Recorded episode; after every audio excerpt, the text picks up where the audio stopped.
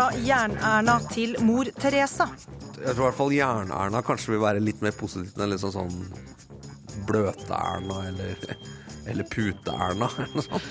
Kallenavn og utfordringer står i kø for Norges 80 dager gamle statsminister. I ukeslutt blir hun utfordret på nyttårsløftene sine av dem hun lover å satse på. Fra Molde til Cardiff og en hakkende gal klubbeier. Vi får historiene om hvordan overtro vil prege Ole Gunnar Solskjærs nye tilværelse. Dette er noen av sakene i årets eh, første utgave av Ukeslutt. Jeg heter Gry Blekastad Almås, og vi eh, ønsker både godt nyttår og velkommen til ukeslutt, statsminister Erna Solberg. Takk skal du ha. Har du hatt en fin jul- og nyttårsfeiring? Ja da, fin i den grad vi kan si det er fint når det nesten har regnet og blåst hele julen men, eh, og, vinter, og hele nyttårshelgen. Men det er jo fint å få litt ro og fred sammen med familien etter et hektisk år. Vi har invitert deg hit for å se litt inn i krystallkula for det året vi nå har gått inn i. Ehm, og du skal være med oss hele den neste timen. Mm. Det ser ut til å bli et begivenhetsrikt år på mange måter. Eh, og det begynte for din del allerede med nyttårstalen din, der du klarte å avlive kallenavnet Jern-Erna, hvis vi skal tro kommentatorene. Og, ja. ja. ja altså, jeg, jeg, det er jo de som setter navnene, det er jo ikke jeg. Nei, for det dukket også et, opp et nytt navn, nemlig mor Teresa. Jeg vet ikke hvilket av disse du foretrekker? Jeg, jeg foretrekker vel egentlig uten kallenavn. Jeg klarte meg stort sett uten kallenavn, bortsett fra en liten periode hvor noen i familien kalte meg Tjorven når jeg var liten, så jeg tenkte jeg kunne klart meg når jeg var voksen også. Dette er jo litt eh, medias måte på en måte å stemple det ene. Jeg følte meg aldri som Jern-Erna, men jeg vet at jeg var besluttsom med innvandringspolitikken. Det var nødvendig på et tidspunkt. Du er litt glad for å være kvitt det navnet nå, da? Eh, ja, altså når det misbrukes på en måte til å si at jeg ikke var opptatt av andre ting. De som kjenner meg, vet at jeg har vært opptatt av psykisk helse eh, så lenge jeg har vært politiker. De som kjenner meg, vet at jeg har vært opptatt av folk som har problemer med lese- og skrivevansker. Og, og begge disse tingene skal vi straks tilbake til. Men først litt mer om bakgrunnen for dette nye kallenavnet Mor Teresa. Hun har lagt lista ganske høyt. Berit von der Lippe er glad for at Ukeslutt har tatt turen til BI, Godt du kom nå. sånn at hun kan utdype hvorfor hun kom til å tenke på mor Teresa da hun hørte statsministeren tale. Hun kommer ikke til å måtte si at hun hadde tatt for mye Mellerstran. Men nå forventer man at Høyre sammen med Fremskrittspartiet skal bidra til et inkluderende arbeidsliv. Og hvordan disse to partiene sammen, som vektlegger så til de grader markedsliberalismen, skal få dette til, det er interessant. og Det er derfor jeg mener hun har lagt lista høyt. Denne sammenligningen med mor Teresa, hvor tok du det fra? De fattige hun skulle hjelpe, hjalp hun hovedsakelig med bønner. Så det sier noe om hvordan du kan forføre publikum. Kjære alle sammen. Etter ferien ser mange nå frem til å vende tilbake på jobb. En annen kritiker betegner talen som like forførende som navlelo. Andre igjen etterlyste noen ord om klima og verden utenfor trygge og rike Norge. Men statsministeren har fått ros også. Andre er mer usikre på fremtiden. For at hun valgte nettopp psykisk syke. Og estetikerne likte at hun holdt hendene i diamantform, akkurat som Angela Merkel. Og at hun, Erna altså, sto da hun talte. Jeg må rett og slett spørre meg selv om eh, det er skapt et parallelt univers eh, i statsministerboligen. Eirik Bergesen, tidligere byråkrat som nå leverer humor istedenfor politikk, gir Ernas mann Sindre honnør for at det ser så strigla ut i bakgrunnen når Erna snakker om Norges svakeste. For det er ikke lenge siden eh, vi så Erna og mannen Sindre Eh, på kjøkkenbenken, eh, som må ha vært tidenes mest rotede kjøkkenbenk, eh, og til dette. Så spørsmålet er rett og slett om da at de har bygd om regjeringsboligen her, og at vi har en del hvor pulten hennes står. For den er jo ikke med i bildet her, hun er jo stående. En ganske overfylt pult, da, som, som da er hvor kanskje Sindre sitter.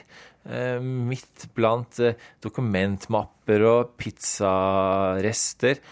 Og sitter og, og, og da leter etter capslocken for å kunne tvitre eh, noen meldinger eh, da, for å da motsi disse kritikerne som sier at hun ikke nevner klima og eh, andre slags eh, vederstyggeligheter.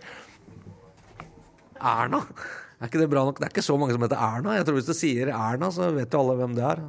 Tenker jo på henne, gjør man ikke det? Ei trapp opp fra VG-desken sitter kommentator Fridtjof Jacobsen. Han nekter å hjelpe kollegene med å finne et nytt kallenavn. Ja, jeg, jeg tror i hvert fall Jern-Erna kanskje vil være litt mer positivt enn liksom sånn Bløte-Erna eller, eller Pute-Erna. Jacobsen skrev bok etter å ha fulgt Erna på nært hold under valgkampen. Boka skildrer en politiker som var villig, men ikke glad for alt hun måtte gjøre for å bli statsminister. Jeg liksom, Hvis du har på deg en veldig fin dress og du føler liksom at jøss, nå så jeg jo veldig bra ut her, liksom, så går man jo kanskje og kikker litt sånn i vinduet og tenker jøss, nå så jeg litt kul ut, og så fin jeg var nå. ikke sant? Men det så jeg ikke henne gjøre, så hun liksom ikke glede seg over sin sånn nye stil da, så veldig mye. Eh, litt sånn typisk henne, egentlig. Hva tenkte du da du eh, så eller hørte nyttårstalen til eh, Erna? Nei, jeg syns jeg kjente henne ganske godt igjen. Folk som er i, i behandling eller pleie eller trenger en form for ekstra hjelp da, fra samfunnet. Det er en gruppe som, som, står hennes hjerte ganske nær, som hun bruker mye tid på. Og det er jo den hun også blir emosjonelt berørt av, faktisk. Så hun har jo også snakket om folk med ME. Vært opptatt av det. Flott har hun engasjert seg i. Og, og sånt, så ja. Så, det, så, så kan jo virke Erna Solberg kan jo virke så utrolig sånn uh, litt sånn lukka, egentlig, og kald. da. Men hun, altså, blir på en helt annen sånn varm side i, i møte med vanlige folk. da.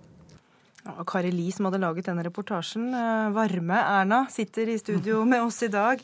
Eh, og før vi går inn i det politiske innholdet her, så må jeg spørre deg litt mer om denne forvandlingen du har gått gjennom ytre sett. da. Vi har jo sett endringer i klesvaner og hårfrisyrer. og Hvor mye krefter bruker du på framtoningen din? Eh, altså jeg tror alle som er nesten hver eneste dag i, i, i, media, bruker mer tid enn det som alltid kan være sunt, eh, på, på både hva de skal ha på seg og hvordan håret ser ut og annet. Og jeg vet jo at uansett så får jeg kommentarer om det. Eh, så det gjelder å gjøre det, men eh, ikke bry seg så forferdelig mye om det. For det, eh, det er viktig å bruke hjernen sin på det som du er satt til å gjøre, nemlig å forsøke å styre landet. Men er du glad for at det blir vektlagt kanskje i større grad enn tidligere? Altså, jeg syns det er litt rart med denne voldsomme forandringen. Sånn, jeg var kommunalminister, og det er klart, jeg, jeg, jeg, hadde to barn på fire og to år. Jeg brukte ikke så forferdelig mye tid til å løpe til frisøren, og hadde en veldig praktisk klipp som gjorde at jeg kunne gå ut av, ut av dusjen og tørke håret med en føner, og så, så gikk jeg. Og så, og så sånn, Det er jeg litt forbauset over liksom, at man har fokusert så mye på det at en dame som går fra å ha helt små barn til å få tenåringsbarn, få tid til å gå oftere til frisøren, klippe håret, gjøre den typen ting. Men er det bare det som har gjort Nei, at du har forandret det også, Men altså, det er litt sånn Jeg, jeg blir alltid forbauset over all denne strategitankegangen rundt ting. Ja, Er det ikke noe eh, strategi? For i norsk, I norsk politikk så er det mange flere tilfeldigheter enn strategier ofte for ting som skjer. Og det husker jeg Jan Petersen sa det utrolig hvor ofte. Helt tilfeldige ting blir opphøyd av kommentatorer til store strategiske grep. Så din imageforandring er tilfeldig? Den, den, har jo noe med mengden mediefokusering, selvfølgelig, mm. uh, å gjøre. Uh, og at ikke uh, hvordan du går kledd skal være til forstyrrelse for, for budskapet. Vi skal eh, straks se nærmere på de politiske utfordringene for dette året. Og vi skal også høre statsministerens reaksjon på Ole Gunnar Solskjærs overgang til Cardiff. Hva må statsminister Erna Solberg gjøre for å gjøre ditt liv bedre i 2014? Nei, det har jeg ikke tenkt på. Billigere kollektivt. Barnehageprisene, kanskje? Vi kan gjøre noe med dem. Kanskje senke skatten for de som har småbarnsfamilier. Eh, fortsette på med, med skatteprogrammet sitt. Det må lønne seg å arbeide i Norge. Nei, Hun må ikke kutte ned fedrekvoten. Nei, vi har det bra, så jeg er ikke bekymra. Ja, vi har det bra, Erna Solberg. Det kan du sikkert eh, skrive under på som det store bildet. Mm. Men det står jo da en del utfordringer i kø, og i nyttårstalen din trakk du fram særlig to satsingsområder. Utdanning og psykisk helse. Eh, derfor har vi fått på plass i studio her eh, ungdomsskolelærer Simen Spurkland. Velkommen. Takk skal du ha. Og psykolog, psykolog skråstrek tidligere psykiatrisk pasient Arne Lauveng. Eh, begge dere skal nå få lov til å utfordre statsministeren på disse områdene. Og så begynner vi da med deg, Lauveng. Du var en av dem med hull i CV-en. Ehm, etter mange år som innlagt psykiatrisk pasient, mm. eh, og som da statsministeren oppfordrer arbeidsgivere til å ansette. Hva forventer du nå at Erna Solberg gjør for å få det til? Først syns jeg det var kjempeflott at du brukte så mye tid på psykiatri. Det var på tide. Det er jeg glad for. Men jeg blir jo sittende igjen og lure på, når du ber folk søke tidligere hjelp, og søke hjelp fort, hvor skal de få den hjelpen når ventelisten er? Og så blir jeg sittende og lure det er stadig færre langtidsplasser. Folk blir ikke ferdigbehandlet. Jeg tror ikke jeg hadde blitt frisk i Norge i dag fordi at alle langtidsplassene hvor jeg fikk langtidshjelp, er nedlagt. Alle rehabiliteringsplassene er nedlagt, og folk får ikke hjelp lenger. Og det tredje er selvfølgelig hvordan skal vi få til at arbeidsgivere faktisk ansetter folk, at de har rom til det, og at det økonomisk lønner seg for dem. Det lurer jeg på. Mm. Nei, altså Det er masse mangler i psykisk helsevern eh, i, i, Norge. Eh, og det er viktig for denne regjeringen å gjøre noe med de manglene. Og det er mangler på mange nivåer. Det er både på det forebyggende. Derfor er det jo sånn at nå har vi utlyst før jul 100 eh, millioner kroner til eh, kommunene kan søke på penger til prosjekter på psykologstillinger i, i kommunene.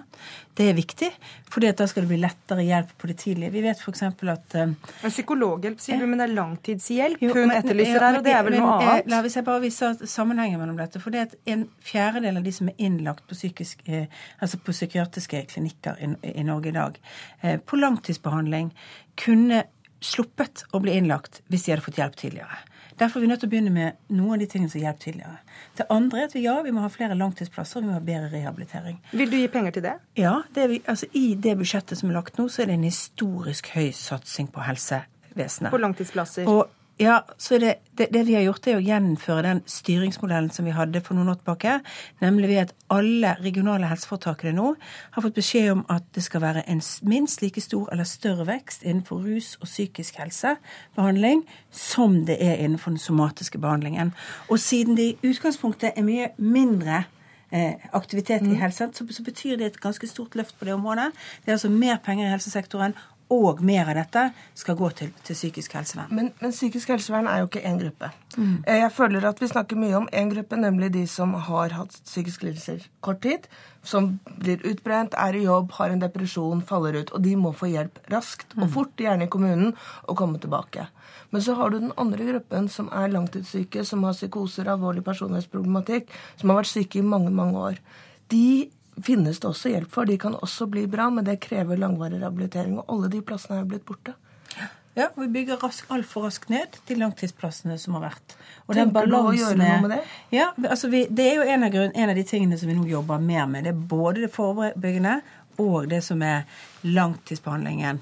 Eh, og så er det sånn at Vi ser jo at du får rom til å behandle langt flere innenfor det psykiske, altså innenfor institusjonsbasert eh, hjelp, eh, hvis du sørger for at vi eh, også får et bedre forebyggende arbeid. Derfor er vi opptatt av å gjøre begge deler. Derfor er jeg opptatt av at vi må sørge for at eh, små problemer ikke får lov å vokse seg store. Men la oss ta dette tredje, tredje, poenget da, med hvordan man skal ansette disse med hull i mm. CV-en, som du formulerte det. Eh, hvis de ikke vil, arbeidsgiverne? Altså, jeg, min oppfordring var at arbeidsgiver skal tenke seg om. Men hva vil du som politiker og statsminister ja, gjøre for men, at de skal bli stimulert til å gjøre det? Først å si noe. Jeg tror, Hvis du tenker gjennom hvordan en sånn ansettelsesprosess er, så sitter man litt sånn passivt, og så ser man ja, dis, vi velger ut disse personene. De har, ser helt grei utdanning ut. Vi tar de til intervju. Hvis man bare begynner så mye at, en, at den som sitter og ansetter, tenker over kanskje nå skal innkalle en som har et hull i CV-en, høre hvordan det er, for å begynne med det for å komme over den terskelen. Men det vil jo koste mer. Altså, ja. Det er klart at hvis du skal ha færre Du kan ikke både få ned uføretrygden og få ned sykefraværet. Folk som er eh, i fare for å få uføretrygd, vil være sykere enn de som er friske. Det er ganske mm. logisk. Og det er klart at da vil du ha høyere sykefravær. Du må liksom velge hva du skal få ned. Eh, det er jeg jo enig med deg i. I en overgangsperiode. Ja, jeg, mener at, jeg mener at sykefravær er en Altså, sykefravær er jo ofte et symptom på at man ikke klarer å mestre i en situasjon hvor man både kan få behandling og være i jobb samtidig. For mange flere enn det som er i dag, er det mulig. Noe av det verste du gjør mot folk som har begynnende psykiske problemer, det er faktisk å passivisere dem. At de blir sittende og vente på neste psykologtime, neste sesjon istedenfor å være i aktivitet. Når vi snakker om disse med kortvarig ja. depresjon, men når vi snakker om den gruppen ja. som har vært ute av arbeidslivet i ti år, de vil ha litt vil høyere sykefravær og, og, og, trenge en overgangsperiode. Der har vi en vifte av tiltak som vi kan bidra med. Eh, og jeg tror at eh, bl.a. lønnstilskudd, som er en måte å bidra til at arbeidsgiveren får dempet det, de kan få fritak fra, fra å betale Jeg tror ikke vi skal ta hele den listen nå vifte det, men mm. det viktige er jo på en måte at kontakten etableres mellom en arbeidsgiver og den som trenger å komme i jobb. Og det, det elementet her det må faktisk arbeidsgiveren være en aktiv part i. Nå skal vi straks gå over til skole, men i Danmark har de jo skoler for voksne med psykiske lidelser. Jeg har holdt på å skrive doktorgrad om dette nå. Hvorfor har vi ikke noe sånt i Norge? For det er jo nettopp for å få den overgangen fra langtidssykdom og inn i utdanning igjen. Ja. Det er jo en spennende måte, og det tror jeg faktisk er en av de tingene vi er nødt til å se på. Det er at vi laget et A4-system hvor du skal, uansett hva som skjer i livet ditt, så skal du passe inn i det ordinære skolesystemet. Vi trenger flere veier inn i skolesystemet. Og der fikk du ett godt uh, innspill, og nå vet jeg Simen Spurkeland sitter klar med flere gode innspill. Og eh, dere da, som lærere, fikk jo mye skryt av statsministeren i nyttårstalen. Men du mener hun har et uh, troverdighetsproblem, og nå kan du fortelle henne hvorfor. Ja, altså, Vi lærere har på samme måte som Solberg nå blitt på en måte, Vi bruker tid på om hun skal hete Jernerna eller Puserna, om hun har på seg fin kjole eller ikke. Så blir hun bedømt på et galt grunnlag. Nå har Høyre, og, og regjeringa har ikke rukket å gjøre det ennå, men, men, bedrevet det som, som jeg på, i min hverdag vil kalle for betinget ros. Nemlig å, å si at dere er flinke, men dere må bli mye bedre. Og det gjør at, at, at vi, vi, er, vi, blir usikre på om hvor flinke de syns vi er, og, og, og hva som ligger i, i, i, i, hvilke utfordringer er det som vi har en felles forståelse av hva som er utfordringene våre. Og Hva er utfordringene for Erna Solberg? Nei, Det er å skape seg troverdighet. sånn at vi skal tro på at det hun sier hun vil gjøre, er, er noe som, kan, som, som kommer til å skje, og som vi nyter godt av.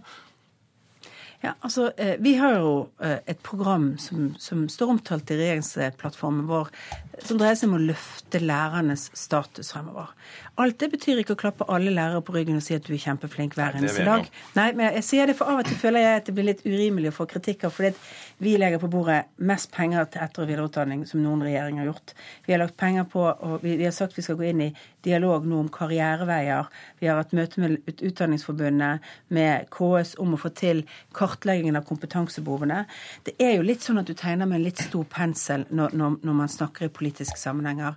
Vi har mange gode lærere, men f.eks. i et fag som matematikk, så vet vi at det er mange lærere som underviser i matematikk som ikke har grunnleggende god nok kunnskap i matematikk. Hvorfor det? De som er like gamle som meg, de gikk på en lærerskole hvor man ikke hadde matematikk som et obligatorisk fag.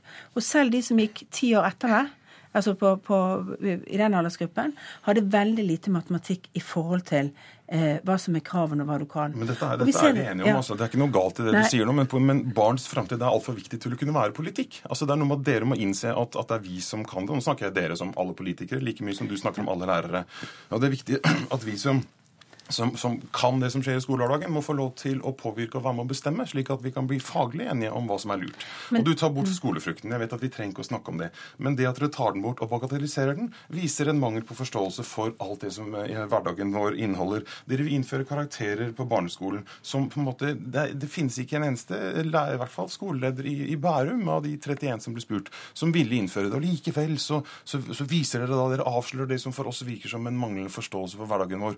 Og det skaper skaper utrygghet. Så hvis du hadde på en måte gitt meg og de andre fagpersonene muligheten til å eh, komme mer fram enn de som, det som blir kortvarige politiske diskusjoner, og bare slenge ut det man kan Ja, og, og Simen, jeg vet du har, noen, du har noen konkrete ideer også til hva eh, Erna Solberg og regjeringen kan gjøre nå? Altså, jeg, jeg, tenker at Vi som fagmiljø, og da mener jeg jo alle som kan noe mer om skole enn at de har gått på skolen sjøl, må få lov til å, å, rett og slett sette seg ned og over en lengre periode bli enige om hva som er lurt og ikke lurt. Eh, i, eh, i, Finland så de en, hadde de en prosess på dette som, som, tok opp mot fem år, så vidt jeg har lest et sted, hvor de, hvor de satte seg ned, og det, og det, tok lang tid å finne konsensus.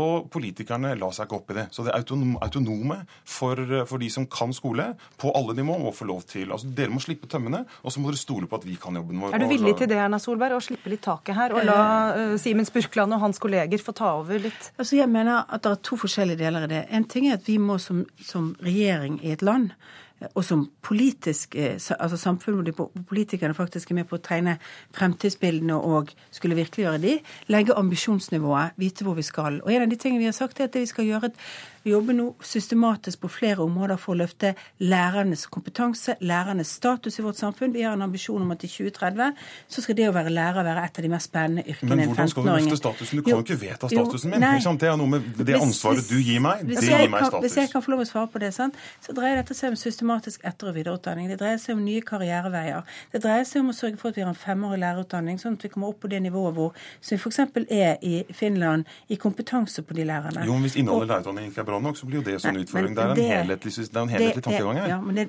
det vi har, er en helhetlig tankegang om hvordan vi skal få dette til.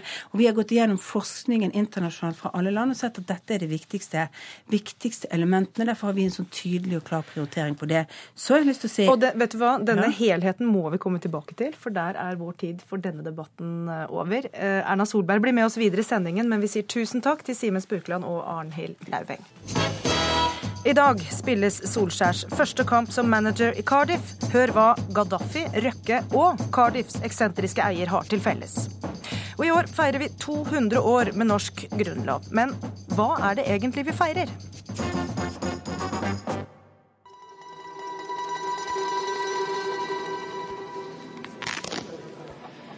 The International Olympic Committee has the honor of announcing that the 22nd Olympic Winter Games in 2014 are awarded to the city of Sochi.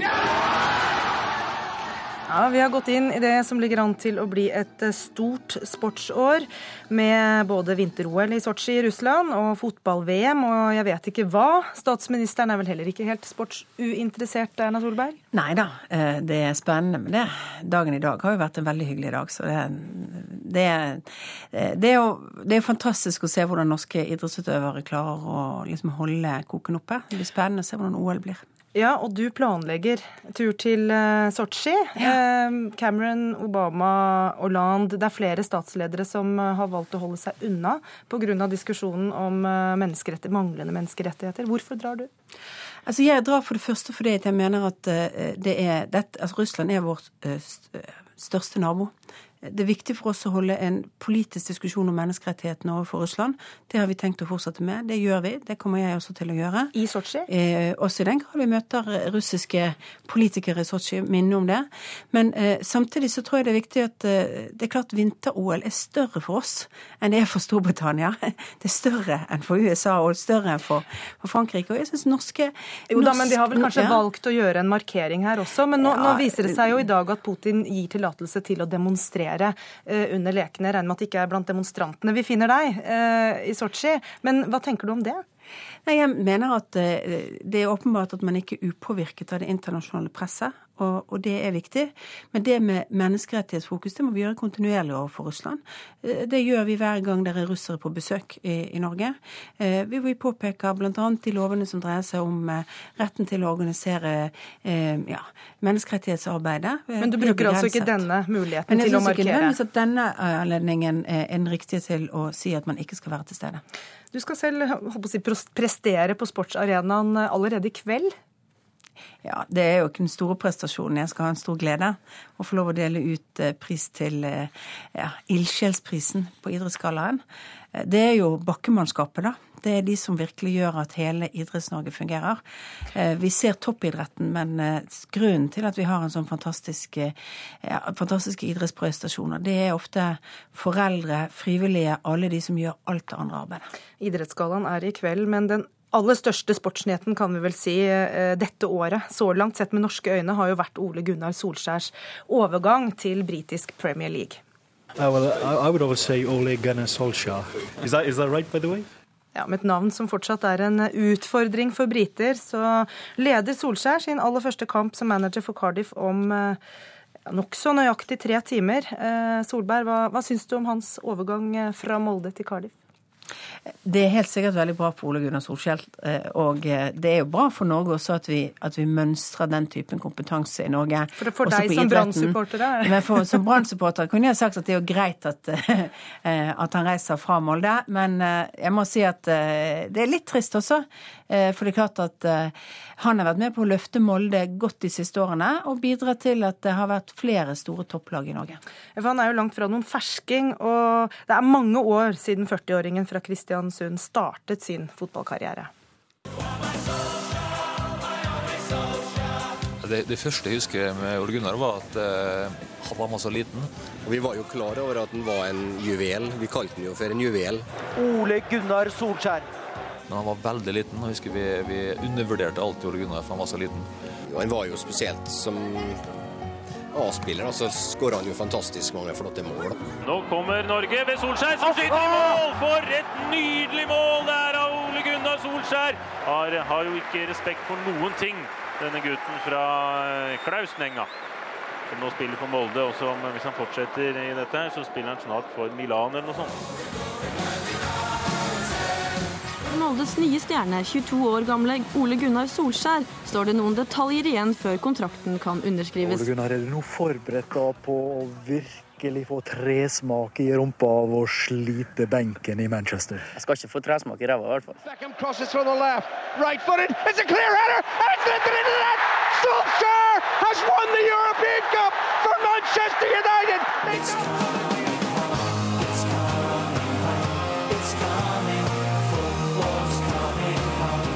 Jeg gleder meg veldig, veldig. Jeg er veldig glad for å eh, si ja til det- den muligheten her. Velkommen hjem. Velkommen hjem. Herlig, virker det som. Hva personlighet tror du han har? En sånn som farmor liker. Er det noe bråk med Ole Gunnar Solskjær? Aldri. Han er jo legende. Sympatisk. Bakkekontakten. Ja, nei, det er ikke noe negativt å si om den. Han er rett og slett en god fyr. Ja. Der hørte vi utvilsom begeistring for eh, Solskjær. Spørsmålet nå er jo hvordan fansgarden i Cardiff eh, vil ta imot nordmannen. Vår korrespondent Espen Aas tok turen til Wales. Platform 28 1936, cross-country service to Cardiff Central. La det være sagt, det er ikke hver dag Cardiff, eller Caridis, som byen heter på walisisk, er det store reisemålet for journalister. Men torsdag denne uken var det definitivt det. Utenfor hjemmebanen til Cardiff City fotballklubb sto TV-kameraene på rekke og rad. Sky TV rapporterte nærmest uten stans direkte om en viss Ollie Gunnar Solskjær, som etter alt å dømme skulle bli ny trener for laget. Ollie Gunnar Solskjaer is about to become manager of uh, Cardiff. Um, Og ut av en klassisk Bentley, en velkjent engelsk bil, spratt til slutt Ollie Gunnar og inn på stadion. Pressen snublende etter med armene fulle av utstyr. Nå var det offisielt. Takk. You as well. I et eh, presserom mer tettpakket enn en kilo hvetemel møtte han pressen, og den britiske delen av den hadde behov for å få vite én ting. over the years, as a player, television commentators have pronounced your name in any number of ways. Oh, yeah. Would you like to definitively now tell us how would you like us to pronounce your name? Ollie, please. It's easier. Ingen hjelp å få der, altså. Men et annet spørsmål henger i luften. Hva med lagets kontroversielle eier, den malaysiske investoren Vincent Tan Chi-yun? I mer enn tre år har han kontrollert laget, og han har sine sider. Han vil helst ha spillere med åttetall i fødselsdatoen, og virkelig kontroversielt ble det da han plutselig bestemte seg for å endre klubbens blåfarge gjennom mer enn 100 år, fra blått til rødt. Hvordan vil det gå med Solskjær under ham, spør jeg en som vet et og annet om klubben. Hello, my name's Tim Hartley. I'm chairman of the Cardiff City Supporters Trust. We're hoping that he's a young, dynamic manager with experience at Man United in the reserve team and what he's done at Mulder, uh, and that he can bring that to bear here. That he's given space, time, and the resources to build a team. For spør du vanlige tilhengere om Vincent Tan, får du ærlige svar. Som ekteparet jeg møtte. Ansiktsfargen ble raskt en anelse mørkere. Uh, very disappointed. I don't understand what's going wrong. It's all down to Vincent Tan. If, if goes, we'll all be happy. Men hva tror Solskjær, eller Solskjær? Ukeslutt spør. Du er ikke skremt av alt som er sagt om eh, eieren? Nei da, eh, ikke i det hele tatt. Og fikk altså et særdeles kort svar. Litt mer får vi når vi spør en av de lokale journalistene. Uh, Andrew Gwilliam, sports. I think it, it has been very bad, certainly. I mean, obviously, as, as you can appreciate, when you change 100 years of tradition, you change it from blue to red shirts as they did last year, identity obviously very important to supporters of any club. De er spente. Får han spillerom? Får han ta avgjørelser? Forgjengeren fikk som kjent sparken av Tann. Men nå har altså trenernavnet blitt Christian Sundsk. Ja, og apropos dette navnet. Uh, well, I, I would say Ole Gunnar Solskjær. Is that, is that right, by the way? Oh, you were very close, very close. we would say Ole Gunnar Solskjær. Ole Gunnar Solskjær. There we are. There we are, I know now. Ole, Ollie, Gunnar, Solskjær eller bare Solskjær. Kjært barn har mange navn, heter det. Spørsmålet er om mange navn gjør deg til et kjært barn. Hva tror du, Egon Holstad, blir Ole Gunnar Solskjær en suksess i Cardiff? Ja, det er det vel smartere folk enn meg som eh, allerede sliter med å ha svaret på. Det svaret kommer jo ganske fort i løpet av resultatet. Nå har de jo først eh, Newcastle borte da i FA-cupen, og dernest Manchester City og Manchester United i serien. Sånn eh, han får nok en tøff start, men hvorvidt han blir å lykkes rent sportslig er veldig vanskelig å si per nå. Og det kommer jo også veldig mye an på hvor mye gærenskap denne skvett, kaklende gale klubbeieren kommer til å finne på i, i tida fremover. Ja, Du er eh, altså journalist i Nordlys og først og fremst er fotballentusiast i, i, denne sammenheng. og Du har jo sagt at du syns det er underlig at Solskjær i det hele tatt forlater Molde for å, for å, å komme til Cardiff. Hvorfor er det så rart? Jeg syns ikke det er rart han drar til Cardiff i, i seg sjøl. Altså, klubben Cardiff er jo en, en fantastisk eh, historierik og, og, og, sterk klubb med, med ordentlige supportere og sånn. Det er bare at de siste årene har de vært eid av en uh, gærning fra Malaysia, som de fleste har fått med seg, som, uh, som, virkelig har satt sitt preg på klubben på en veldig rar måte. Ja, på, på som, hvilken måte er han kaklende gal, som du sier? Ja, altså Det ene er at han har selvfølgelig at han har da uh, altså Cardiff går jo Supporterne kaller jo seg sjøl for The Bluebirds, og han har da bare plutselig funnet ut at blå er sorgens farge i Malaysia, og da har han da endra klubbfargen til rødt, og så har han putta en drage inn og røska ut fuglen som var i, var i, logoen. Og dermed da kødda med noe som er sånn elementært som, som klubbfarge. Man kan jo sjøl tenke seg hva som ville skjedd hvis Vålerenga ble bedt om å spille i, i rødt, eller Brann ble, ble, ble bedt om å spille i blått. Men det her er jo mer sånn ko-ko på sida av alt det andre, men rent sånn fotballfaglig er jo kanskje det sykeste av det han har blanda seg inn i. Han har blant annet sagt det at etter at uh, spilleren Mark Hudson skåra fra egen banehalvdel i en kamp mot Derby i våren 2012, så fant han ut at det her det var sånn mål skulle skåres. Og ga da beskjed til manager Mackay på telefon, da, ifølge Daily Mail, at fra og med nå så skulle alle Cardiff-spillerne begynne å skyte fra egen banehalvdel hver gang de fikk ballen. I tillegg så har han gått ut og kritisert eh, keeper David Marshall. Han har vel per nå en eh, ca. 150 ligakamper for, for, Cardiff. Kritisert han for at han har skåra altfor lite mål for Cardiff. Og han har, Keeperen skal skåre, ja. ja. Og han har da også gått ut og sagt at uh, de nye spillerne som skal signes, uh, må primært uh, være født med et fødselsnummer som har tallet åtte i seg for at åtte bringer lykke i Malaysia. Og Mulig at dette er gangbar mynt eh, i Kuala Lumpur, men altså i Cardiff og i Wales og i Premier League så virker de her tingene for meg som helt enormt ko-ko, og ikke så rent lite morsomt. En fantastisk fargerik beskrivelse av eh, denne eieren. Gunnar Stavrum, velkommen, ansvarlig redaktør i Nettavisen. Du har kanskje oversikt over Norges svar på denne eh, Vincent Tann, eh, eller fins det noen som kan eh, ligne på han i det hele tatt i norsk fotball? Nei, altså Katastrofen i fotball det er når fotballfolk blander seg inn i økonomi. Og når økonomene blander seg inn i fotball, da går det helt galt. Et godt eksempel er jo faktisk de to Molde-investorene Gjelsten og Røkke som dro til England og kjøpte Wimbledon. Og tok med seg The Mad Professor Egil Olsen og en del norske spillere. Det gikk jo helt forferdelig. De rykka ned, de rykka ned, de rykka ned og ut av seriesystemet og gikk konkurs Laget flytta til en annen by og måtte til alt overmål levere tilbake sitt eneste trofé gjennom tidene. Så det fins folk som har gjort det verre enn Vincent Tan. Men det er kanskje en viss forskjell her også, i og med at det gikk eh, så galt som det gjorde da med, med Wimbledon, mens eh, Vincent Tan tross alt har tatt Cardiff opp i, eh, i, Premier League. Han har jo vært en suksess, eller om det er han, men laget har jo hatt suksess under han i den perioden. Og det, det tyder vel på at galskapen kanskje også har noe positivt ved seg?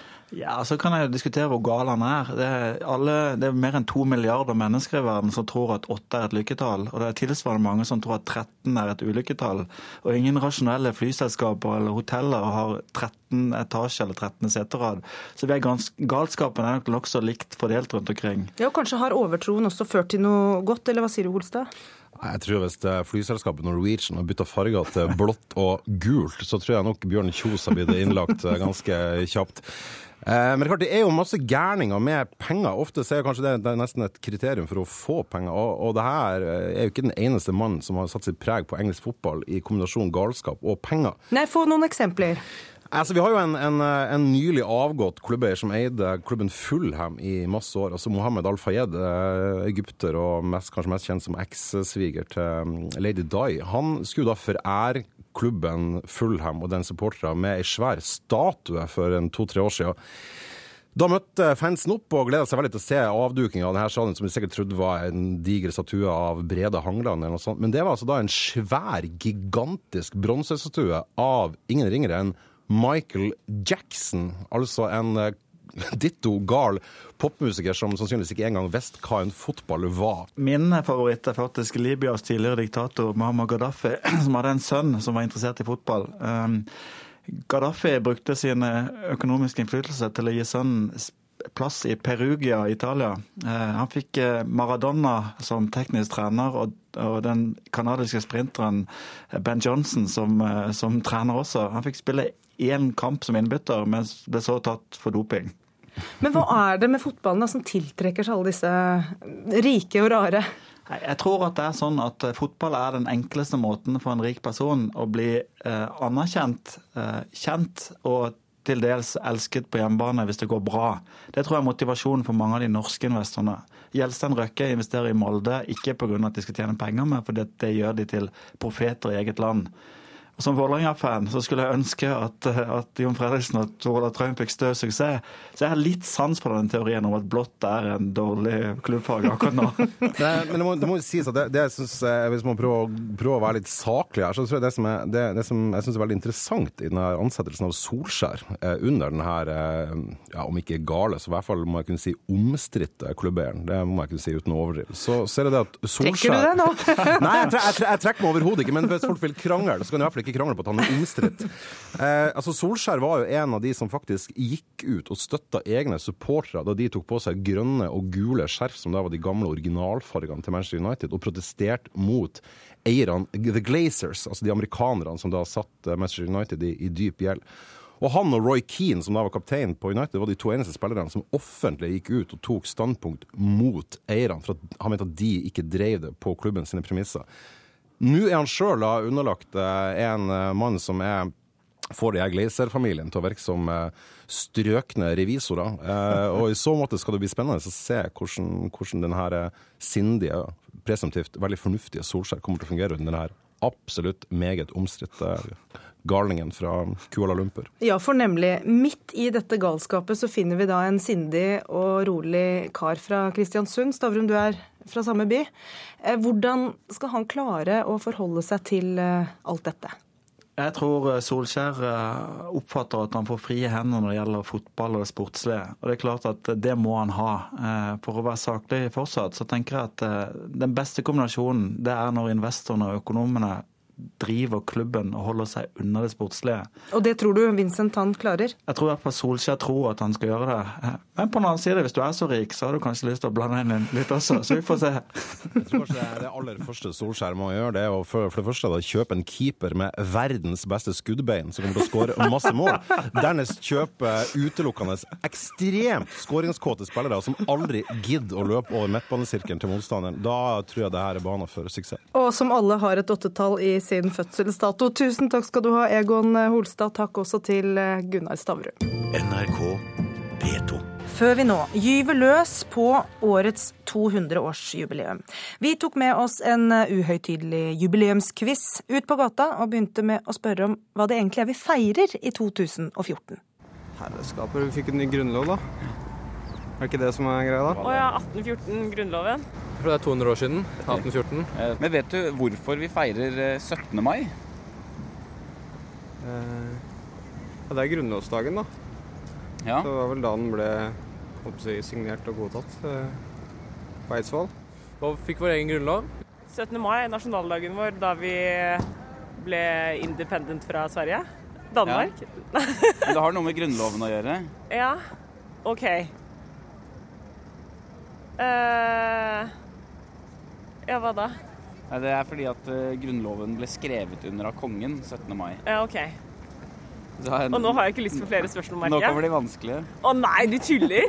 Vet du hvem Grunnlovens far, altså den norske Grunnlovens hovedforfatter, var? Herregud, jeg er helt feil person på alt dette her sånn. Bergland var jo viktig, men jeg vet ikke om han har noe med det å gjøre. Han var vel bare forkjemper for å feire det. Eh, Nei, det skal... Nei, jeg har ikke peiling, jeg.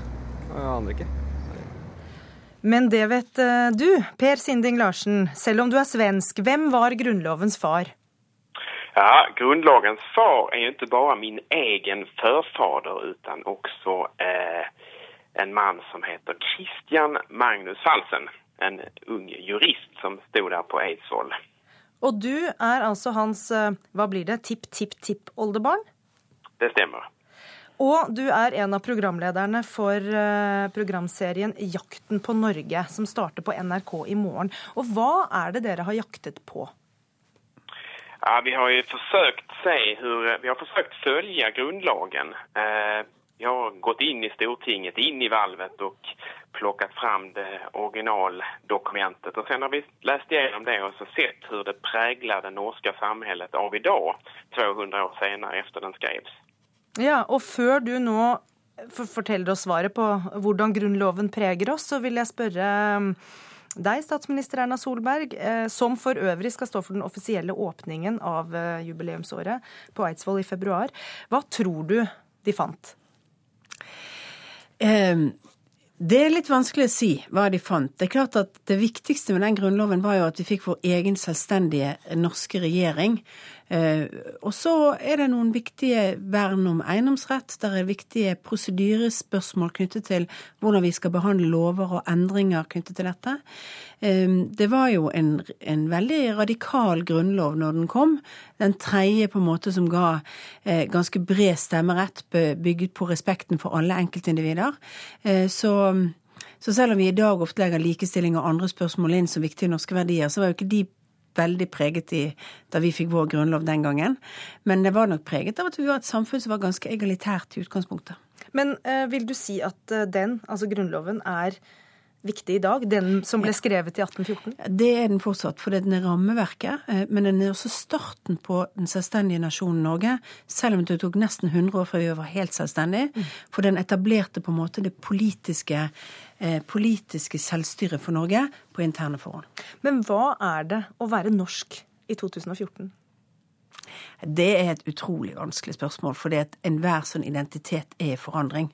Eh, Det å være norsk i dag mener jeg eh, kan være veldig mye forskjellig, men jeg tror det dreier seg om en viss porsjon for rettferdighetssans, en viss eh, antiautoritær holdning med å si at du må forklare hvorfor du mener at jeg skal innordne meg under disse reglene. Jeg tror det er en del av vår lille grunnstamme at, at vi er et land hvor folk skal overbevises for at, at beslutninger en politiker har fattet f.eks. er rett. Vi har en naturlig skepsis til at folk ovenfra skal styre oss. Um, så er vi opptatt av uh, likeverdet mellom mennesker, tror jeg. Jeg tror det er ganske grunnlaget i det norske samfunnet at vi er veldig klar på at uh, um, store forskjeller mellom folk, og da tenker jeg på uh, verdimessige forskjeller av type at vi skal ha større verdi enkeltmennesker i forhold til andre, det, det tror jeg ikke du får noen nordmenn til å være med på. Vi er Likeverdet står sterkt. Stemmer dette, Per Sinding Larsen, med hva dere fant? Ja, altså det som slår meg, det har jo vært en helt utrolig resa som er veldig hedrande for meg å få gjøre. Fra sør til nord i Norge og via mordere, spritsmugglare, krigets Norge, jakten på kjærligheten og oljerikdommen og EU-omröstningar. Men det som slår meg nesten hele tiden er hvor levende denne grunnloven er på mange sett. Hvordan den preger norsk samfunn og kultur enn i dag. Hvordan den der texten som skrevs på Eidsvoll, ganske hastig, ganske rufft på lite eh, enkelt papper, hvordan, den lever än idag. Ja, hvordan preger den oss fortsatt, da? Altså, jeg er jo, jeg er jo litt svorsk. Jeg har jo hytte på Sørlandet. Og, og, eh, og sen jeg var liten så har jeg, eh, bare for å ta et eksempel, i et par tilfeller støtt på alvorlige hvithårige menn ute på norske norska berg. Och då har man frågat sig vad har de gjort där? Jo, de har stått vid ett stenrös och eh, eh, signalerat att detta är min egendom. Och det verkar som de sitter uppe hela nätterna med sorts eh, karta och kompass och säger att detta, detta eier jeg, det er veldig, detta är min egendom, du må ikke gå over här. Och jag har alltid tänkt att eh, egendom är ju viktigt i de flesta västerländska eh, eh, kapitalistiska länder. Men varför är norrmannen så fixerad? Jo, då kan man då gå tillbaka till grundlagen och säga att hade du inte din egen gård och mark, ja då fick du inte rösta i Norge. Så det här lever liksom kvar. Därmed inte sagt att man måste köpa kanske en, en etta på Grünerlöcka för några miljoner för att få rösta idag. Så att det förklarar kanske inte 2014, mer 1814. Det er litt mindre flatterende beskrivelse av nordmannen du gir enn det statsministeren her, når du snakker om at vi er rettferdige og likeverdige og sånn. Er, er nordmannen eh, sympatisk? Nordmannen er oerhört sympatisk. Jeg, jeg, är, ju, eh, jag har jo mitt hjerte, eh, om ikke litt mer enn halvveis inn i Norge. Jeg er jo oppvoksen i et land som til en begynnelse var et, ett eh, jag har en stor släkt och en stor historia och eh, jag har ju mött överallt under mina resor från jag var liten till den här otroliga resan som jag har gjort i programmet. Ett folk som jag eh, tycker väldigt mycket om. Mm. Och som, eh, Ja, og så handler det jo mye om, om demokrati, Erna Solberg, denne grunnloven vår. Men jeg lurer litt på hvor har demokratiet egentlig tatt oss? Når, eh, altså litt sånn tilbake til der vi starta dette programmet. Når du for å bli valgt som statsminister på en måte må endre klesstil og hårfrisyre for, for å bli valgt, er det det som lå i demokratiet i grunnloven 1814? Nei, det var det nok ikke. eh, Men, og jeg tror ikke at det var nødvendig for å bli valgt. Men jeg tror, jeg tror at eh, det er mer det moderne massemediasamfunnet. Jeg tror fortsatt at eh, i Norge så stemmer folk på politiske ideer, på politiske partier. Men det massemediesamfunnet, kan det forstyrre litt for demokratiet av og til? Det var egentlig det som Ja, det, det kan det jo gjøre. Altså, Norge ble jo egentlig fikk en veldig god gave med seg fra danskekongen når han avviklet et adelskap på 1500-tallet i, i Norge. Dermed så har vi hatt et ganske egalitært samfunn hele veien. Det er klart massemedia bidrar til å lage eh, større forskjeller, mer kjendiseri, eh, lettere for at en del ideer får mindre fokus enn f.eks. utseende og andre ting. Men foreløpig er nordmenn utdannet og fornuftig. Og det var ved eh, meteorolog Rafael Løvedal. Og med det er ukeslutt eh, slutt. Tusen takk, Erna Solberg, for at du var med oss eh, hele sendingen. Hyggelig å være her. Ansvarlig for sendingen var Aksel Wilhelm Due. Skript Oda Holm Johansen. Teknisk ansvarlig var Erik Sandbråten. Og her i studio ønsker Gry Blekastad Almås dere alle et riktig godt år.